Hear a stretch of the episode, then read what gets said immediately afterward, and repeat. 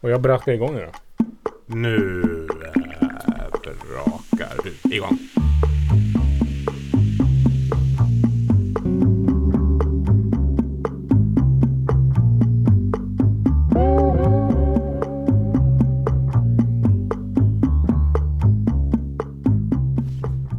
Hej hej och välkomna till podden Kommentariatet.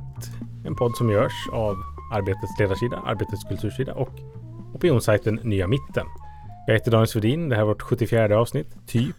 Med mig i studion har jag Hej! Karina Kovisha. Lotta Ilona Häuren. Johannes Klenell. och vi jobbar allihopa på det sprudlande, sprakande LO Mediehus. Välkomna till podden! Tack så mycket. tack. Jag sa inte till er utan mer lyssnare. Men är ni också välkomna? Carina, Men du... Karre är tillbaka. Ja, det är hon. Berätta, vem är du? Varför?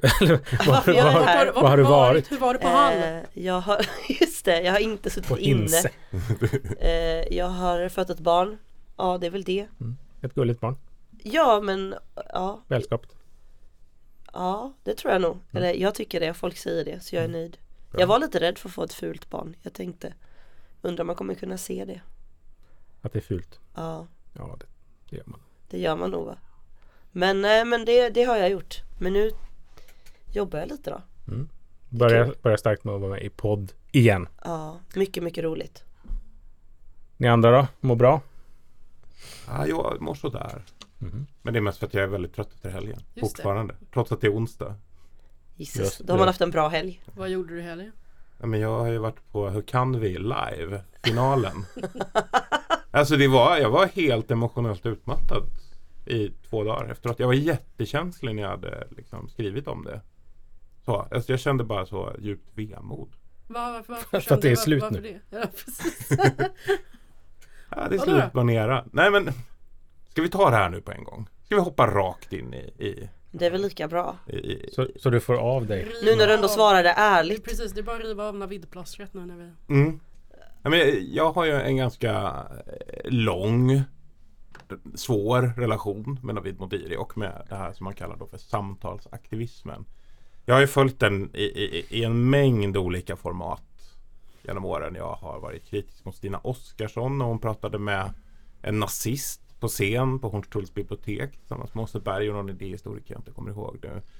Jag har kritiserat Navid. Första gången var väl att jag publicerade en text av en skribent som heter Kolbjörn Guvallius som hade lyssnat på när Navid intervjuade en förintelseförnekare och inte riktigt hanterade situationen jättebra eftersom han faktiskt inte hade så mycket motargument. De bara satt och lyssnade och hummade med.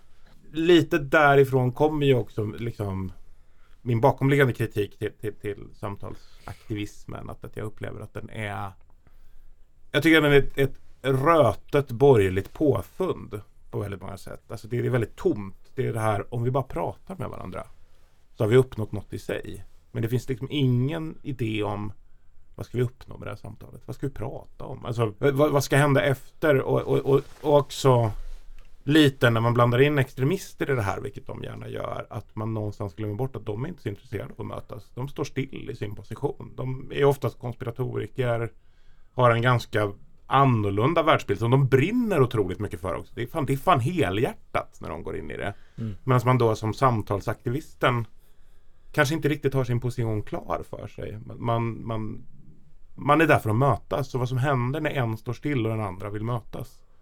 Det är att den som vill mötas tappar sina positioner helt. Man möts inte på halva vägen. Som är förhoppningen någonstans. Då, liksom. Det är väl någon sorts lyssnaraktivism egentligen. Alltså att man så bjuder in. För ofta är det väl just människor från extrema positioner eller människor som har gjort något väldigt konstigt som Mm. behöver få någon typ av upprättelse. Som ska komma och bli lyssnad på. Kom och bikta dig lite grann. Ja men lite så och det, det har nog också varit för att Navid har ju alltid legat på mig då när jag kommit med den här kritiken med kom hit, var med i min podd. Och jag har sagt nej i alla år. Eh, lite faktiskt utifrån positionen, vad ska vi prata om? Alltså för jag upplever att jag inte har speciellt extrema åsikter. Alltså så, det kanske någon annan tycker att jag har men, men jag vet inte om någon själv. Alltså det, det är ganska få positioner där jag är absolut på det sättet. Där det liksom är så här, det här är min kamp. Det här är striden jag tar. Jag har gått in i det här till 100%. Men jag är en ganska mycket av en generalist i liksom opinionsmarknaden skulle jag säga. Jag är lite överallt, försöker liksom utifrån det dra någon sorts slutsats om vad det säger om vår tid. det är en ganska svår position att ha när, när liksom man förväntas driva ett samtal i då två, tre timmar som de där poddarna gärna är. Liksom. För, att, för att det når ju ändå någon punkt där man börjar stå och trampa vatten. Och, och därför har jag sagt nej. Men vilka, vilka, var där i, vilka var där i lördags? Det är, för jag, jag såg bara ett par bilder som postades på mång, många snubbar på scen. Eh, en, en, en, en särskild bild från, från kvällen som har etsat sig fast i min hornhinna för resten av mitt liv är eh, är Ivar Arpi, Paolo Roberto och några andra som sitter runt ett bord tillsammans med Navid och på en soffa i bakgrunden sitter Flammans chefredaktör Leonidas Ariktatis och ser mycket bortkommen ut. Det, det, är väl som Churchill sa, den som, den som inte är vänster när man är ung har ingen hjärta. Den som inte är höger när man är, när man är gammal har ingen hjärna. Det var ju något konstigt med den där soffan eftersom folk lite kom och gick där bakom. Eh, Leonidas förklarade faktiskt för mig efteråt att, att man var uppmuntrad att gå upp och sätta sig. Men han hade gått upp och satt sig för det var sånt jävla röj nere i logen där man också skulle kunna höra samtalen. För att det krökades en hel del helt enkelt. Jaha. så att han hade behövt gå upp bara för att egentligen få en uppfattning om vad de här samtalen var eftersom han inte hade en aning. Så att helt plötsligt liksom går en ensam stackars Leonidas upp och sätter sig bakom de här figurerna som sitter där mitt inne i en debatt om könskriget där liksom Paolo Roberto håller långa föredrag om mandomsprovet att plocka oliver i Neapel.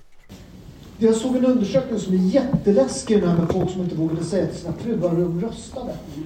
Alltså det är jättelä- I ditt förhållande kan du inte prata om dina politiska åsikter för att de är inte är politiskt korrekta. Och, och vad får vi för samhälle om du är skitnödig och säger vad du tycker? Du får det här pissamhället vi håller på att bygga upp i Sverige. Vi har förvandlat ett av världens bästa länder till något som, som är, det är ju fullkomligt jävla inbördeskrig i det här. Så att, nej, men jag tyckte nog också lite synd om Leonidas. Alltså ibland så var det ju så här Aron Flam kommer upp och sitter i bakgrunden och markerar närvaro när Jan Helin ska prata om public service. Eller, och då tänkte man nästan så här, men ska han komma in snart? Ska, han, ska, ska det hända någonting där? Sen kommer liksom hela sista måltiden-gänget, en helt annan podcast upp.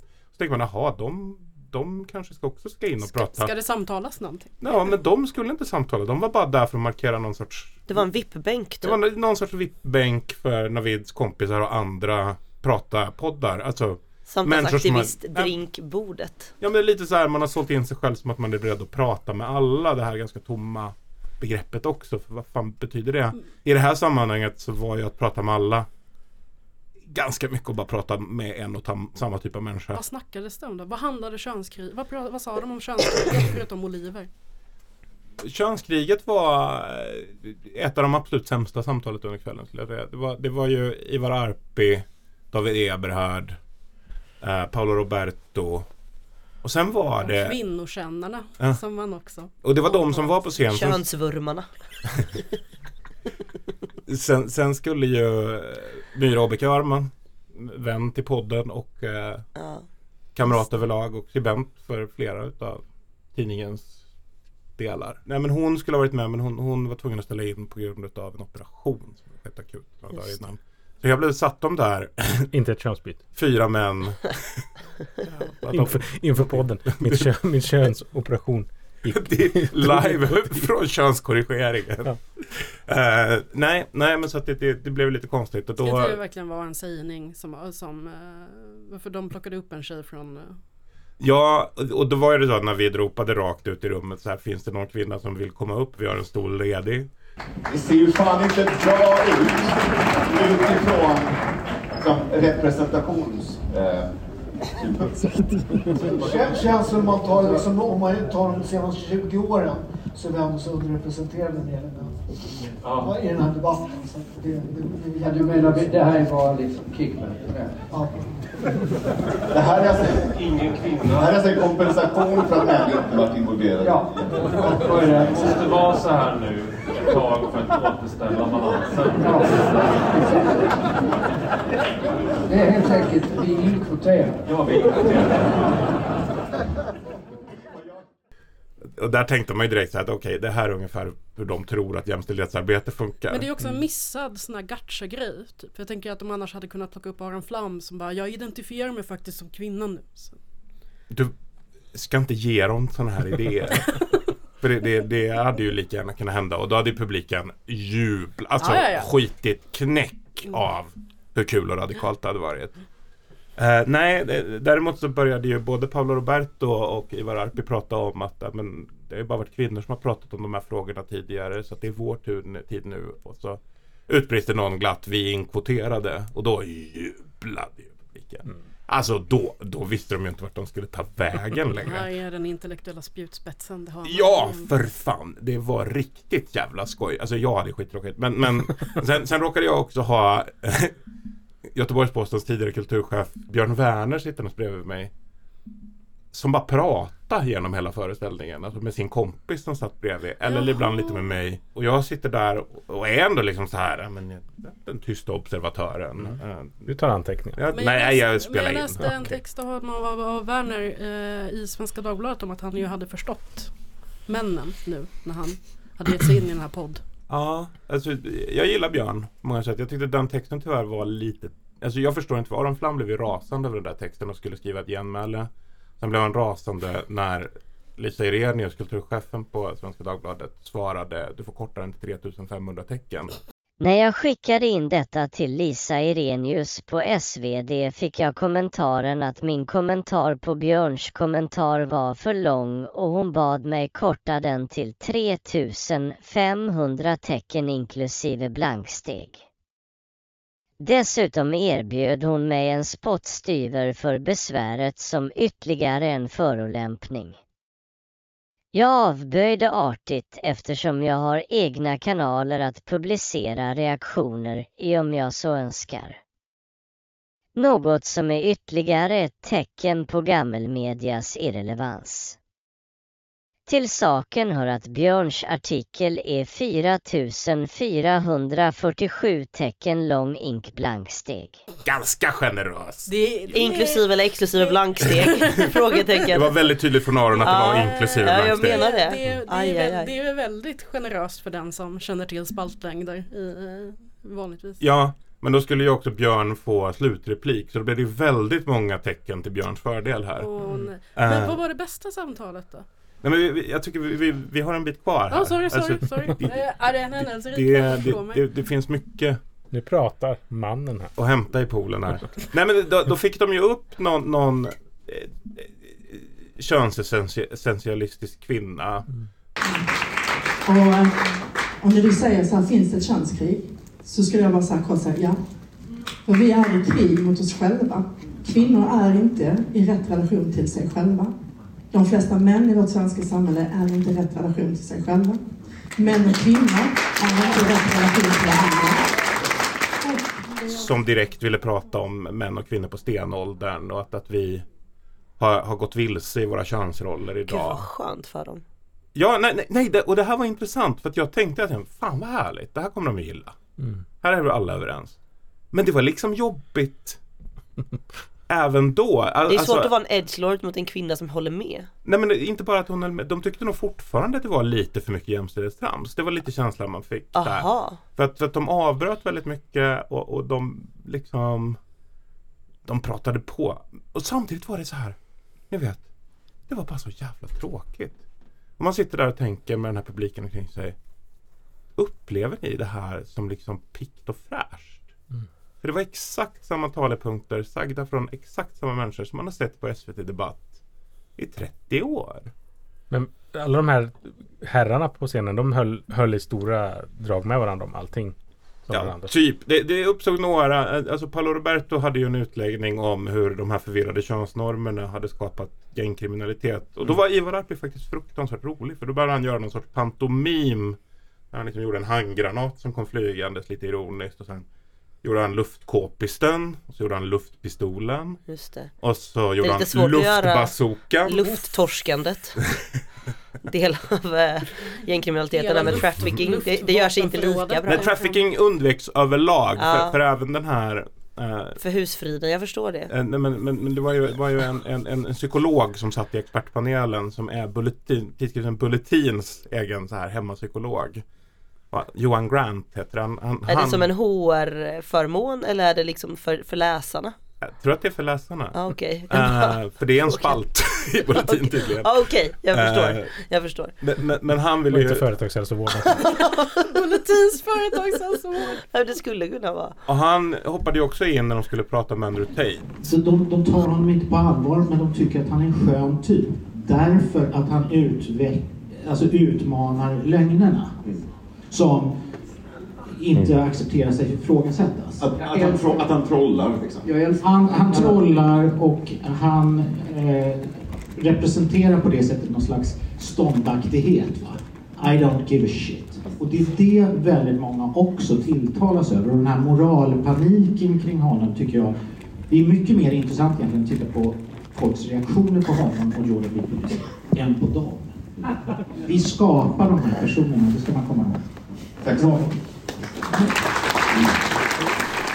Där han egentligen hade någon sorts expertpanel. Men nu blev han helt plötsligt kommentator som då, då skulle prata om att nej, men unga killar gillar ju Andrew Tate för han är ett skönt troll och så här.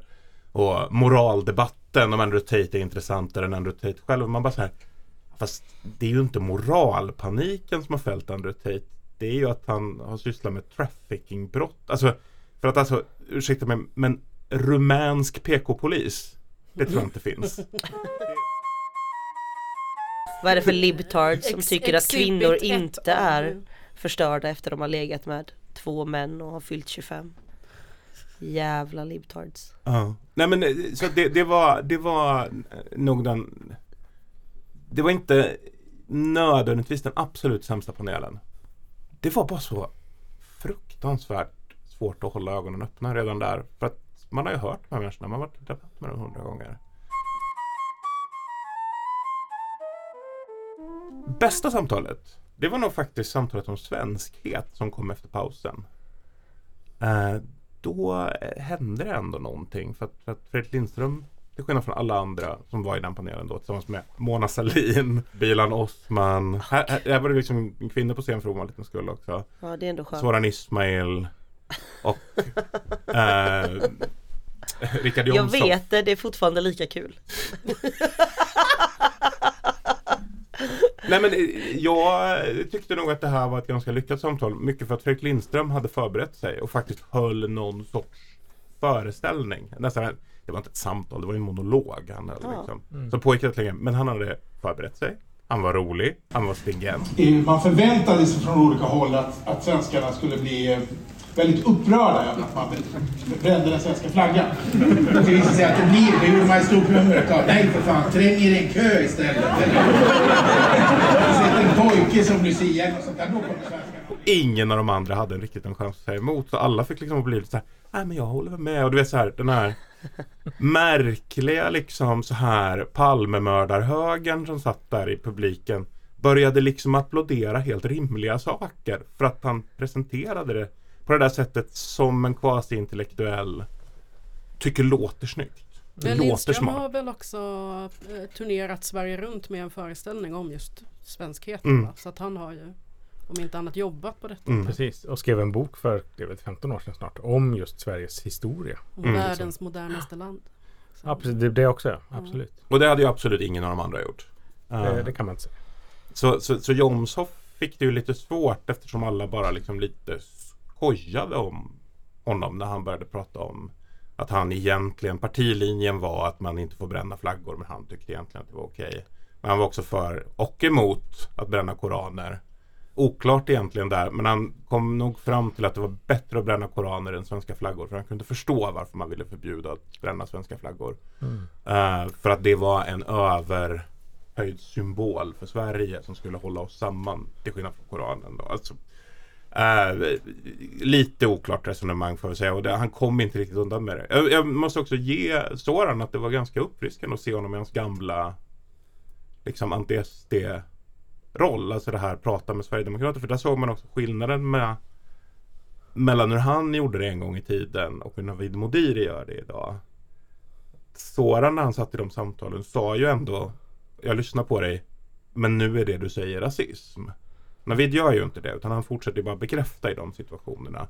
Vilket ju är en del i problemet med samtalsaktivismen återigen. Att du inte har en position. Min erfarenhet av honom som samtalsledare av det, det, det eh, lilla jag har hört eh, eh, är väl att mitt intryck av, av Navid Modiris programledarskap är att han söker ganska mycket bekräftelse av sina gäster själv också. Eller att det är samtal som glider in i någon sorts själsutforskande resonemang Ja. i Navid Modiris personliga utveckling. Och det här är, är ju både problemet och fördelen med Navid Modiri någonstans. Jag brukar säga, jag har ju själv varit med i hans podd. En ganska speciell upplevelse. Man kom ner i en studio och där gick det runt en massa liksom så personer i 20-årsåldern till 20-25 kanske sådär i svarta hoodies som det stod så samtalsextremist på. Och så ut från ett draperi kommer liksom Navid Modiri helt klädd i vitt. Med manband, alltså som någon sån knullguru. Eh, och man fick ganska mycket av de här liksom personlig utvecklingssektvibbarna så. Eh, det gör att jag liksom har svårt att placera honom i facket. Alltså många placerar honom i någon sorts fack som ond. Jag skulle snarare säga entreprenör. Eh, alltså att, att, att det han gör är ju på något sätt en sorts opportunism. Men det har också gjort att till skillnad från de här andra så var han den som öppnade dörren till nya segment för samtalsaktivismen. Alltså att prata med högerextremister och bekräfta högerextremister. Och, alltså för att han hade hela det här eh, mellanchefssegmentet utav att han har jobbat som föreläsare, inspiratör. Hela den biten och, och också då varit väldigt så här Burning Man involverad i liksom olika personliga utvecklingssegment och sådär. Alltså så att han hade ju liksom, alltså publiken bestod ju verkligen inte bara utav män från stiftelsen Kontra och liksom så här gamla Sverigedemokrater. Det var ju extremt mycket så välklädda kvinnor som helt uppenbart tillhörde liksom så här green capitalism-grupperna eller liksom, alltså ni vet det här där personliga utvecklingen spelar väldigt stor roll. Du åker på olika märkliga guruläger och tar lite, vad heter det, wayamaska eller vad det heter. Ja. Och liksom kräks i en hink.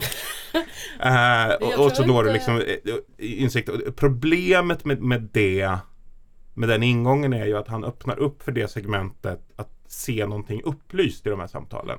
Alltså det är det han har presenterat det som att det är någonting större, någonting viktigare.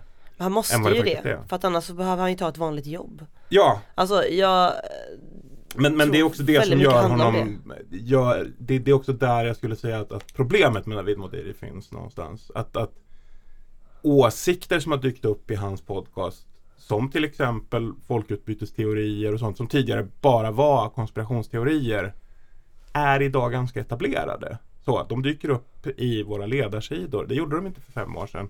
Och jag skulle säga att det är ungefär det den här samtalsaktivismen har åstadkommit. Vi har inte mötts som människor. Vi har bara fått in mycket mer hat. Och ett mycket större hat mot minoriteter framförallt. Eh, genom det här. Man har öppnat dörrarna för en massa magkänslor. Mm. Och gjort dem till åsikter i mängden. Jag kommer ihåg första skandalen som jag uppfattade att han var i var ju när han skulle ta över som programledare för eh, Filmkrönikan i SVT Mm. och sa att han aldrig hade sett en Bergman-film. Och då blev det liksom... När var det här?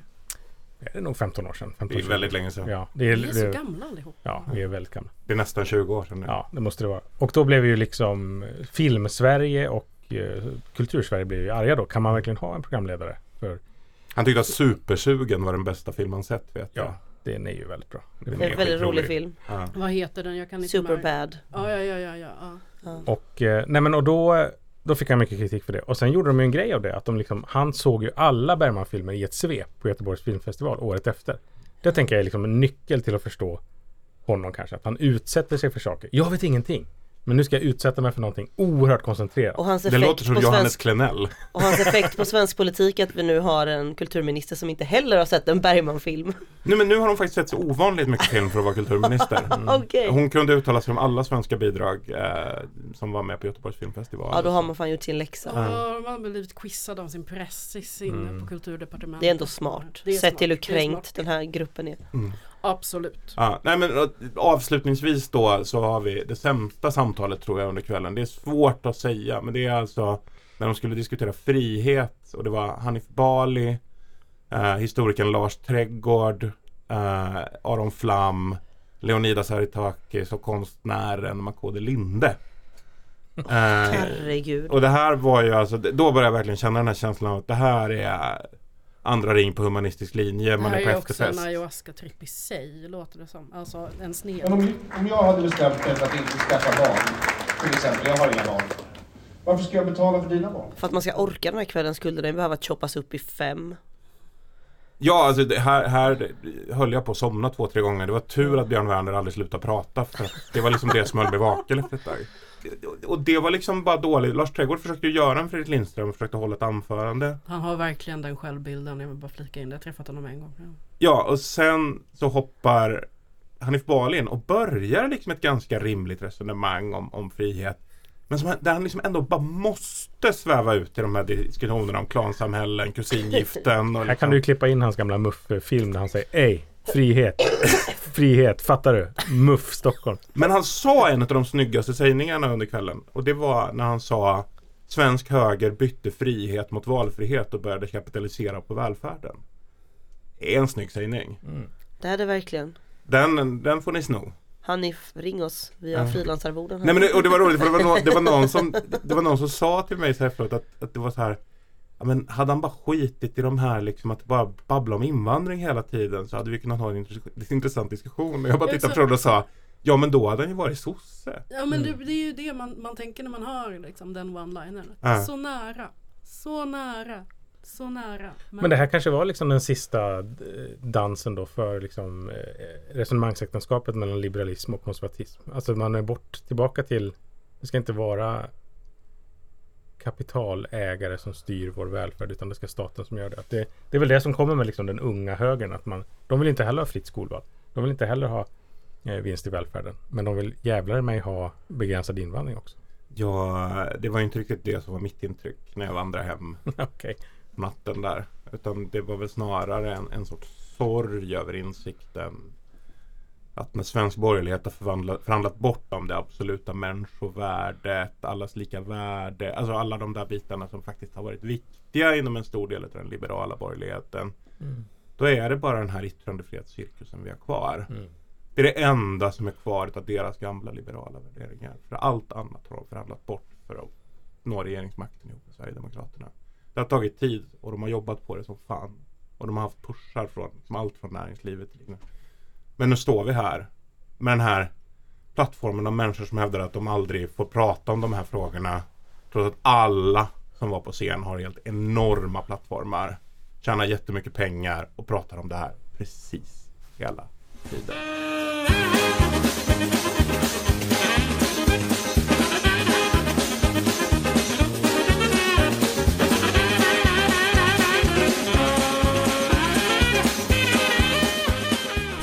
Ja men Lotta, du har idag berättat för världen att du har rekryterat en ny medarbetare. Ja, Bolibompa-draken. Hurra! Kommer, Snyggt! Absolut. Alltså jag är så eh, stolt och glad. Det känns som att det är ett erkännande för oss att en sån profil överhuvudtaget vill Alltså både väljer, att- väljer att lämna public service på sikt. Nu jobbar hen på frilansuppdrag både för oss eh, och, och för, för SVT fortsatt. Men, eh, nej, men det, det, det känns jättestort. Jag är väldigt hedrad. Det ska Eh, väl sägas att Bolibompa-drakens uppdrag de senaste åren väl mest handlat om att ligga utslagen i den där korridoren man vandrar igenom på väg till Aktuellt-studion.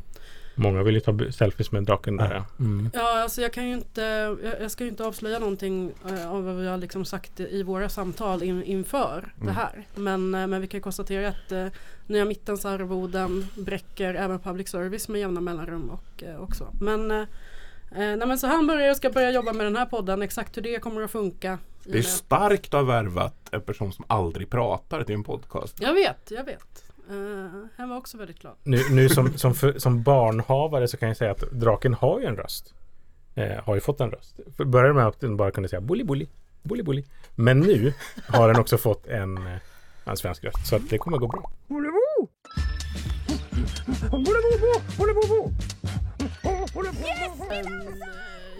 det går liksom inte riktigt att segwaya från det här till att, till att på ett snyggt sätt avsäga att Det detta naturligtvis Det är ett är satir. Nej men eh, Magnus Thorén som har varit ehm, eh, programledare eh, och hoppat in på Aktuellt också lite då och då men han har främst varit känd som programledare på eh, Sverige möts, SVTs eh, SVTs variant av Hur kan vi? Ja, precis, SVTs samtalsaktivism. Eh, han, eh, han fortsätter att frilansa och jobba klart sina kontrakt på Sverige möts och Aktuellt men samtidigt med detta så börjar han också jobba på tidskriften Kvartal. Och det här blev igår en, en, eh, en liten tombola kring, kring SVTs eh, ska jag säga, vad policies kring, Mm. kring när får man jobba på public service och vilken typ av politiska plattformar får man vara på samtidigt. Han säger att det kändes rätt direkt när han fick frågan om att börja jobba för Kvartal. Eh, regeln som jag och policyn jag har vant mig vid från public service eh, är eh, att det är stenhårt nej. Eh, I rollen som, eh, som kulturjournalist har jag själv deltagit i vissa utav eh, liksom S- SRs produktioner utan att liksom så här, utan att ha rollen som, som S-märkt ledarskribent eller opinionsskribent. Eh, och det funkar, funkar utmärkt. Men ängsligheten när man är, är, har varit med där har ändå varit påtaglig. Alltså att programledarna där har sagt att nej men nu kommer det här bara handla om det här och det är viktigt att du håller dig till det. Det är Mm. viktigt att du utgår från dig själv och det här ämnet för att så här, vi, eh, vi, vi, vi kan liksom inte ha in så här socialdemokratisk propaganda här. Och det, bara, nej, det är jättetråkigt och, och att, att eh, rabbla socialdemokratisk propaganda så det hade jag inte planer att göra i alla fall. Men, men det är min erfarenhet av, av SVT och SR. Men Visst, i, den, den redan omtalade Soran Ismail fick ju sluta sända morgonpasset i SR redan i februari, kollade upp igår, Mm. 2014, för att han uppfattades vara för eh, dum, eh, ha, ha negativ inställning till SD. Ja, Alexandra Pascalidou blev väl också utkickad Mm. från, någon, från någon post. Ja, det var eh, väl Ring så spel, eller inte Ring så spelar vi, utan eh, Ring P1. Det kan det nog ha varit. Nej men så, så det, är liksom, det är väl bilden man har haft frå, av, av SVT innan. Eh, bilden som eh, eh, de flesta har av Kvartal är ju att det här är, är en högersajt. De har ingenting som de rubbar som nyhetsjournalistik. De har kultur, kröniker, samhälle. Samhälle för, på Kvartals sida är, är analyser och essäer. Så det är svårt att kalla det för news också.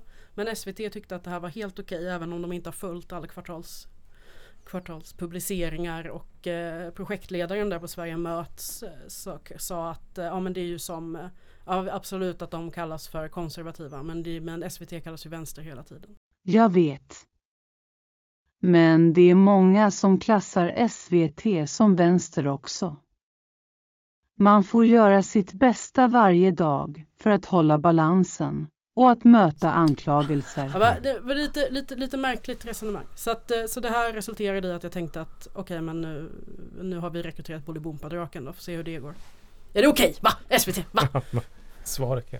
Nej men visst, eh, Kvartal startades väl ungefär med samma, sak, med samma tanke tänker jag som, som eh, Hur kan vi? Alltså just att man skulle Här ska äntligen åsikter få brytas i ett vuxet och tänkt samtal, eh, lärt samtal. Ja, om Hur kan vi hade varit Bulletin. Ja, För men- att det, var, det var väl ungefär samma delägare som gick in i Kvartal från början som sen gick vidare till Bulletin. Men det är väl efter också, det är väl många som har, det känns som att det är, en, det är en grupp människor som brukar läsa Svenska Dagbladets ledarsida och känna sig väldigt intellektuella. Ja, det Eh, finns ju liksom någon, någon air av SV, svenskans understreckare också där. Att Ja, det, verkligen. det finns ju få platser där liksom essäer och av den typen publiceras i svensk dagspress. Så där är de väl så här, ja men här ska forskare kunna skriva. Precis, men, det, men de forskarna är ju också ofta liksom, av, har en viss färg. Liksom. Och det är inte kontroversiellt att forskare har en viss färg men evolutionsbiologer och så vidare har ju en tendens att att ha andra åsikter än sig genusvetare Mm. eh, om, om könsrollerna i samhället och så vidare. Som så mycket annat med liksom medieekonomin så är det ju så här, det, det man vet fungerar är ju liksom konflikt och eh, att tillfredsställa den egna fanskaran på något sätt. Så att jag uppfattade nog att Kvartal åtminstone från början var lite mera alltså brett. Även om det såklart fanns en höger en högerslagsida i vilka som man rekryterade till redaktionen och liksom hela inställningen. Och så här, ja, Det finns ju Eh, två... För, men att de, att de liksom har orienterat sig mer och mer och mer tydligt mot höger för att det är där det finns energi för dem. Det finns ju två delar i det här som, eh, som väl egentligen gör eh, liksom de dubbla stolarna för Magnus Thorén. Jag har inga åsikter om kvartalspubliceringar i sig. Jag tycker att ibland så dyker det upp grejer där som jag tycker är intressanta Mm. liksom, oavsett. vad man nu än skulle titulera dem som. Men det, det är ju två grejer. Det ena är hur länge kvartal faktiskt dolde vilka som överhuvudtaget finansierar dem. Chefredaktören är ju ledarskribent på Dagens Nyheter bör tilläggas också. Mm. Så det är ju inte som att det inte finns någon politisk nej, riktning Nej men det. exakt, alltså, det går liksom inte riktigt att det är väldigt svårt att så här, om man nu tittar på faktan som ligger på bordet så är det väldigt svårt att tröska det fram till att det faktiskt skulle vara en opartisk eh, journalistisk produkt att jämföra med SVT som deras eh, som deras projektledare nu gör. Dels är det ju frågan om pengarna. SVT kan inte veta Eh, alltså nu, nu har de, efter att deras förra chefredaktör eh, gick, han gick för övrigt till Bulletin, case in point i sig. Men efter att han gick så, så gick Jörgen Huitfeldt ut med eh, ett, åtminstone ett par av namnen som stod bakom och finansierade. Men, och det är ju liksom rika finansmän. Liksom, men vad de vill med kvartalsverksamhet, vilka krav de ställer på redaktionen. Det, det är det ju ingen som vet förutom Kvartal. SVT kan inte veta det, de kan inte värdera agendan. Det är det ena. Det andra, jag vet att Kvartal kallar sig själva för, eh, för oberoende och så vidare. Jättebra. Det gör Dagens Industri också ska man Alltså säga. det gör ju alla, det här är ju, det här är ju liksom en, en, en paradgren. Men jag tänker att liksom liksom. det parlamentariska läget som är en liten tråkig grej att kasta in men det har ju gjort att det blir väldigt svårt för folk att placera in de här konstiga liksom mittenhögerpersonerna. För eftersom att de inte 100% passar in i högerblocket som är då får ju de vara i någon sån här oberoende inom, inom citationstecken mittposition. Som de då säger varken höger eller vänster. Men alla vet att det ändå betyder höger. Och sen så men jag tänker kvartal är oberoende man. Det är vad jag tänker när jag tänker kvartal. Och man är ju höger idag eh, eftersom att det uppenbarligen finns sådana skillnader mellan könen. Men det, det är typ det de är. Det är bara så snubb Borg Nej men alltså, det, det, det är ju lite så här En kvartal är ju lite som hur kan vi? Ja. Alltså ungefär lika opartiskt på något sätt. För att, eh, en grej som jag tänkte på mycket med, med hur kan vi var liksom så här, vilka frågeställningar var det man hade under den där kvällen? Jo, det, var public service existens. Det var könskriget. det var frihet och det var svenskhet. In med Det här är ju- kärn, det- det här- kärnkraft där också så är vi liksom Ja, då, då har du täckt liksom hela moderatgubbesfären utav liksom intresseområden. Eh, så, att, att redan på frågeställningsnivå så är det så. Alltså det har man ju noterat ganska mycket med Navid. Alltså Navid själv påstår sig ju vara någon sorts Noam Chomsky-vänster från förr som inte gillar att vi har blivit så idpol. Ungefär någonstans. Man märker också ganska mycket att när det är vänsterpersoner med så blir han väldigt mycket mer ifrågasättande. Och när det är högerpersoner med så är de kompisar och man frejdar på. Och det kan man tycka är opartiskt. Så, för att man liksom alla får vara med och göra sin röst hörd. Men det, det blir ju Ska vi jämföra de ämnena med dagens DN-etta? Det är så här Foodoras dåliga arbetsvillkor, den höjda pensionsåldern. Att centralbankerna inte kan bekämpa inflationen. Ja, alltså det var verkligen så långt ifrån kulturkriget man kunde komma liksom och det är bara DNs etta. Eh, 2014 så gjorde man ju det här för alla socionomer och genusvetare och bla bla bla. Då, då var det alla de som skulle slippa jobba och då skulle man liksom värdera upp att prata om normkritik och skriva massa olika typer av policies och lalala. Nu får liksom samtalsaktivismen ta den här rollen för männen då som inte vill jobba istället. Mm. Då ska de liksom ha någonting att göra. Då Jo. måste man fortsätta prata om drag queens och eh, kön och allt möjligt för annars, annars vet jag inte vad de ska göra. Nej men och det, och det är det som är så olidligt på något sätt. För när, man står, alltså, för då, det är också så här. Just nu har de vunnit. Just nu är det också det där en fullständig hegemoni. Även om de själva upplever sig som att de är då opartiska eller så här. Så har Eller de, underdogs. och underdog så har de ju krigat sig till den positionen. Så man sitter där i den här publiken på den här kvällen så är det ju också så att det är bara de, det är den läsekretsen som sitter där. Mm. Och med dem sitter Micke Lindgren från Grotesco som var den som liksom plockade in Chang Frick i sitt, sitt underhållningsprogram vilket li- har använts i diskussionen om Chang Frick de senaste veckorna nu kring Paludan till exempel för att säga att han är en seriös aktör för han har jobbat för SVT. De vänder ju gärna på det liksom åt andra Ja. hållet på det sättet liksom. Public service har ju på det sättet blivit högerns lilla slagpåse för alla där är så nervösa för att liksom göra snedsteg åt vänster Det numera. har väl varit en aktiv strategi från, eh, från liksom, trollfabrikerna och Mm. från, från liksom, miljön kring, kring Sverigedemokraterna i flera, flera år samtidigt som eh, ska man säga, liksom mot, eller vänstern i den debatten har ju velat värna public service väldigt aktivt. Så Mm. det har kommit mindre kritik från vänster de senaste fem åren, fem, tio åren mot public service för att man man vill värna public service och man tycker att public service står under, under ett hot både från den här regeringen men framförallt från Sverigedemokraternas mediepolitik. Liksom. Mm. Men det har ju fått den, det resultatet och sen tror liksom inte jag att, så att men SVT, så att de är inte höger eller vänster. Det här bevisar liksom just den här rekryteringen till kvartal bevisar inte så mycket mer än att SVT är po- populister. Ja, men det, det var det som var så intressant för att Henrik Jönsson Vän till tidningshus. alltså Youtube-kapitalisten som, som kör sina egna opinionsgrejer. Han eh, i den här public service-debatten, han var ju med där såklart. Liksom, och då så säger han till Jan Helin så här. Skulle ni inte bara kunna göra en opartisk undersökning om huruvida public service är vänstervridet? Varpå Jan Helin och river ner en sån applåd. Mm. Ni fattar ju inte liksom. Det var ju Folk kissade ju ner sig. Nej, Henrik Jönsson Men det görs ju så. Ja, men det är det som återkommer då. Det, varpå Jan Helin svarar. Det här görs ju hela tiden. Mm. På universiteten. Det är ju liksom en av de vanligaste undersökningar som pågår konstant. På oberoende institut, på universitet. I princip överallt. Och man kommer ju fram till ungefär samma sak hela tiden. Ingen applåd.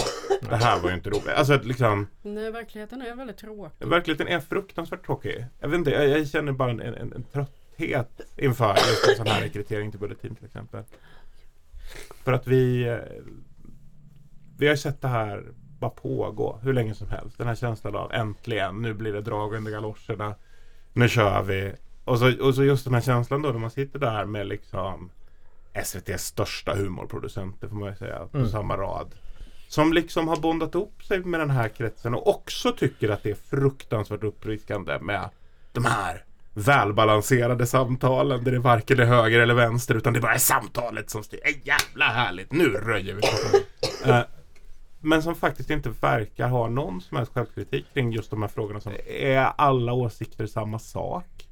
Det kom något läge där de pratade om antivaxers på scen. Liksom, och så är det, någon, det var Leonidas Aretakis på Flabbman som tar upp liksom, så att, nej, men, om vi ska ta ett exempel då liksom så här på när liksom, frihet blir problematisk så är det till exempel när du väljer att inte ta ditt vaccin för då det innebär att du också utsätter andra för fara och så tittar vi på de här grupperna. Då har Navid såklart pratat med de här och då säger han Nej nej nej riktigt så är det inte utan det är, det för dem handlar det om stopp min kropp. Det är alltså samma sak som när kvinnor säger stopp min kropp om sexuella övergrepp. Alltså du vet så här, man bara Det är inte samma sak. Det är faktiskt inte det. Det är inte samma sak. Men det låter som det om man säger det på det sättet. Jag kan ändå kasta, kasta ut den eh, liksom till, eh, till po- potentiella public service frilansare som lyssnar. Att, så att vi, vi är öppna på nya mitten och vi har ganska schyssta frilansarvoden. Så att hör av er. prövar vi. Om ni vill programleda den här podden. ni har väl märkt att vi har en ny statsminister? Ulf Mm. Heter han. Vagt. Inte jättepopulär. Har stökigt. Relationer med NATO, Turkiet och så vidare. Han är väldigt kort också och det hånas han för. Det är okej. Det är den snyggaste segway jag har hört i hela mitt liv. Fantastiskt. Ja, nej men... Sakligt. det, Jag tänkte precis åberopa ditt TF här nu. Att jag är kort? Ja, Ja, jag är under medel. Men... Eh, börja direkt här. Det var mer bara för att för lyssnare som inte känner oss Nej, bortom får man, våra får, man, får, röster. man, får man verkligen säga så? ja, nej men jag googlade. jag googlade hur lång Ulf Kristersson är. Han är 168 kilo- kilometer centimeter lång. Eh, påstås, påstår Google. Jag har liksom inte hittat någon annan sakuppgift på det. Jag vet inte hur de har hittat på det heller. Det kan ju vara att han är övervakad.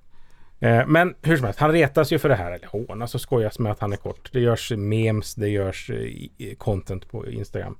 Där han eh, är en liten, liten farbror som åker runt i en radiostyrd bil och så vidare. Googla. Eller Instagram, ja, googla på Instagram. Så säger vi boomers. Man googlar det att söka. Hur som helst. Får man göra så? Nej! Säger Erik Helmersson.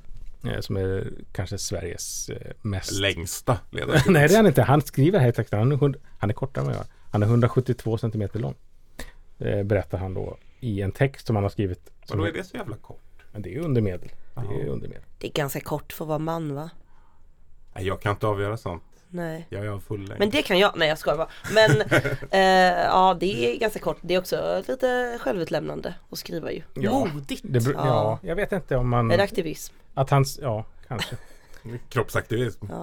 Han har i alla fall sagt Säg som det är att håna Ulf Kristerssons längd är fördomar, inte maktkritik. Fördomar är det väl ändå inte? Han är ju 168 centimeter. Alltså det, det, det, det, är liksom, jag kan säga att empirin i det här fallet är ju ganska hög. Det är ju inte en fördom. Men det är just håna han säger är fördomar. Inte att tala om. Okej, så vi kan prata om att Ulf Kristersson är objektivt kort. Ja, det, det, tror, Inga jag, problem. det tror jag till och med Erik Jag lägger inga som helst värden i detta. Nej. Mm. Eh, Erik Helmersson är ju då Sveriges mest Twitter-intresserade eh, ledarskribent. Han har jobbat på det nu i 48 år. Eh, och han har skrivit om Twitter. Ja, i varannan text i alla fall. Och han har hittat en tweet av eh, psykologen Björn Hedensjö på Twitter. som skriver att eh, han har mött de män som har eh, ett starkt missnöje med det egna utseendet och att eh, längden är en typisk företeelse som triggar upplevd fulhet hos män. Eh, och eh, ja, det, det är inget att skoja om. Det är, lika, det, är likadant, det är lika illa som att skoja om eh, fetma och eh, andra kroppsliga saker. Och det har vi ju slutat med. Vi, sko- vi driver ju inte längre med tjocka människor. Men Sjukaste jag hört faktiskt, men okej. det har hänt. Okej. Okej. Eh, det finns studier som visar att eh, mm, kort, kortingar, korta män, Längdvarierare. ja, längdutmanade, höjdutmanade män, eh, de, eh, de diskrimineras på arbetsmarknaden. Både vad gäller löner och karriär. Och de tar oftare sitt liv. Tråkigt. Onekligen tråkigt. Mm, tråkigt. Och blir statsministrar. Ja. Och eh, kejsare över Frankrike. Napoleon. Känns han igen. Hur som helst. V- vad säger Mm. Allt ni? detta kan bli ditt Daniel. Jag är, får, man, får man skoja om? Jag, jag har ju sett Ulf Kristersson har ju själv eh, varit med i debatter där han sänker, demonstrativt sänker talarstolen och liksom gör en grej av att så här, nu, nu kommer lilla jag. Alltså Ja, att han skojar om det själv, ja. Han har ju en självdistans eh, kring det. Men tror ni att när ni hånar Ulf Kristersson, vilket ni gör dag ut och dag in, i olika sociala medier, att andra män, jag, Erik Helmersson, korta, blir ledsna. Men jag måste faktiskt, jag ska, jag ska jag, på, på fullaste allvar. Jag har faktiskt försökt undvika det för att mina korta killkompisar inte ska bli ledsna. Ja, du bland annat då. Nej jag har faktiskt inte tänkt på det. Men, eh, nej, men jag har haft liksom, jag har varit i några samtal nästan. att, Nej men jag tycker att det här är jobbigt och obehagligt. Jag, jag har eh, så här, jag har dåligt självförtroende över min längd typ. Det har jag alltid haft och jag tycker att det här är jobbigt. Typ. Så att jag, jag har faktiskt eh, eh, tagit mitt woka ansvar och försökt. Jag har mest gjort det för att själv slippa den här typen av så här låtsas snälla Det här är faktiskt elak argument emot. Det känns som att man kan ha en skitbra text och man kan ha en miljon eh, bra poänger. Men skulle man någonstans där börja liksom slira lite på någon sån här grej med att någon är ful eller tjock eller kort eller vad det nu Bara kan vara. ramlar över personen och råkar komma med ett litet tjuvnyp på Ja vägen. och då, då är det bara det som spelar roll. Eh, Och då blir det som att folk bara så ska vara så här skitbeskyddande. Det är som att de ska säga till mig, ja ah, Carina du har fel. Och ska någon bara Du ska inte komma och säga till min kompis att hon har fel, la la la. Så ska man typ skydda människor på ett jävligt störigt sätt. Är det någon som har påstått att det här är maktkritik? Nej, det är det jag ska komma till. Jag blir bara såhär, vem fan, alltså, vad är det här för nå- frågetecknet vad är det här för någon jävla Don Quijote värdekvarns idiot? Han skriver här på slutet. En del står för att de älskar mobbing. Andra försöker dölja den med sminklager som de kallar till exempel anti-PK eller maktkritik. Jag har inte sett att någon som har liksom drivit med Ulf Kristerssons längd gör det och låtsas att de är anti-PK. eller maktkritiker. Ja, jag tror att, det är så förljuget och dumt. Den som säger att han är kort skulle nog tåla att bli kallad för tjockis tror jag. ja, möjligen. Jag, jag. Jag skulle ändå gissa på det. Men vi, vi, vi atleter skojar ju mycket om sånt här. Lång, lång atlet. Det, det, det, det, jag riktade ju en lite kärleksfull gliring till Hanif Bali. Han har ju kallat mig tjock ett par gånger. Det Ja, just det. Eh, det, Han det är får det, för han är inte så lång. Nej, men roligt varje gång. och, och, och, nej, men det, Sås i skägget, vem var det som sa det om dig? nej, det var, ju- det var, var Sigge Eklund. Ja, just det. Ja. Nej men då, då en gång så här. Den han- har satt sig. Fatso-boomer är, är Hanif Bali. Det är starkt. Take the L boomer fatso. Uh, nej men då, då tänker jag tillbaks på så här men jag själv, eh, men jag, jag, jag, men jag, jag kommer väl några små gliringar. Va? En gång så hade han lagt ut någon gymbild och sa du, du får akta dig för att bulka för mycket nu. Snart är du lika stor som Pagrotsky. Var det maktkritik? Det var maktkritik. Var det då, då, då kom de här förnumstiga jävlarna när vi bara ville ha lite skoj. Ja? Ja, nej men de är ju, alltså jag menar att här, jag, jag är ju inte i Prussiluskan-lägret i detta. Jag bara säger att jag undviker det själv. Ja, nej men tyvärr. Men, och, men ska det vara ska det också vara kul. Mm, alltså visst. som, som med all annan humor. Att här, nej men det, det är liksom det, det tusende kortskämtet är kanske inte jätteroligt men det är kul när han sänker talarstolen i riksdagen och det är tyst i Nej, fyra Och sekunder. det är kul med alla bilderna med perspektivförskjutningen för att han ska framstå som lika lång som Ebba Busch. Eller när han rider på en hund. Eller när han helt oironiskt går bredvid Johan Persson.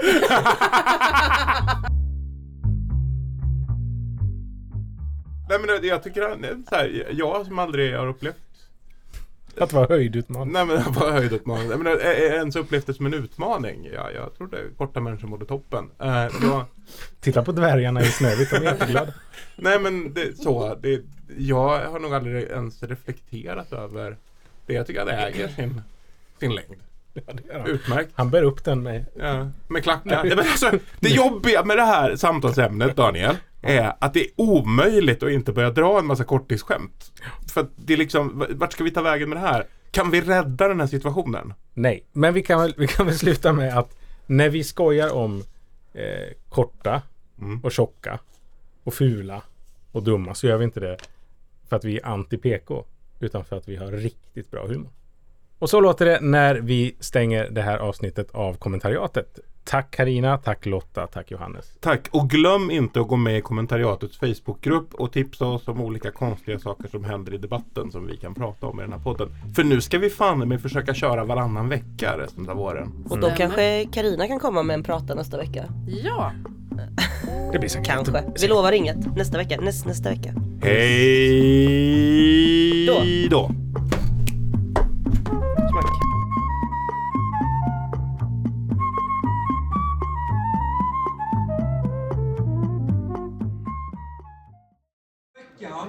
Har jag sett något av de värsta mediedreven jag någonsin kunde drömma om. Någonting fullständigt omänskligt som jag aldrig hoppas sker igen. Och om vi är riktigt ärliga mot varandra och tänker efter. Har inte ni också någon gång känt att ni vill bara åka ut och fiska en ål?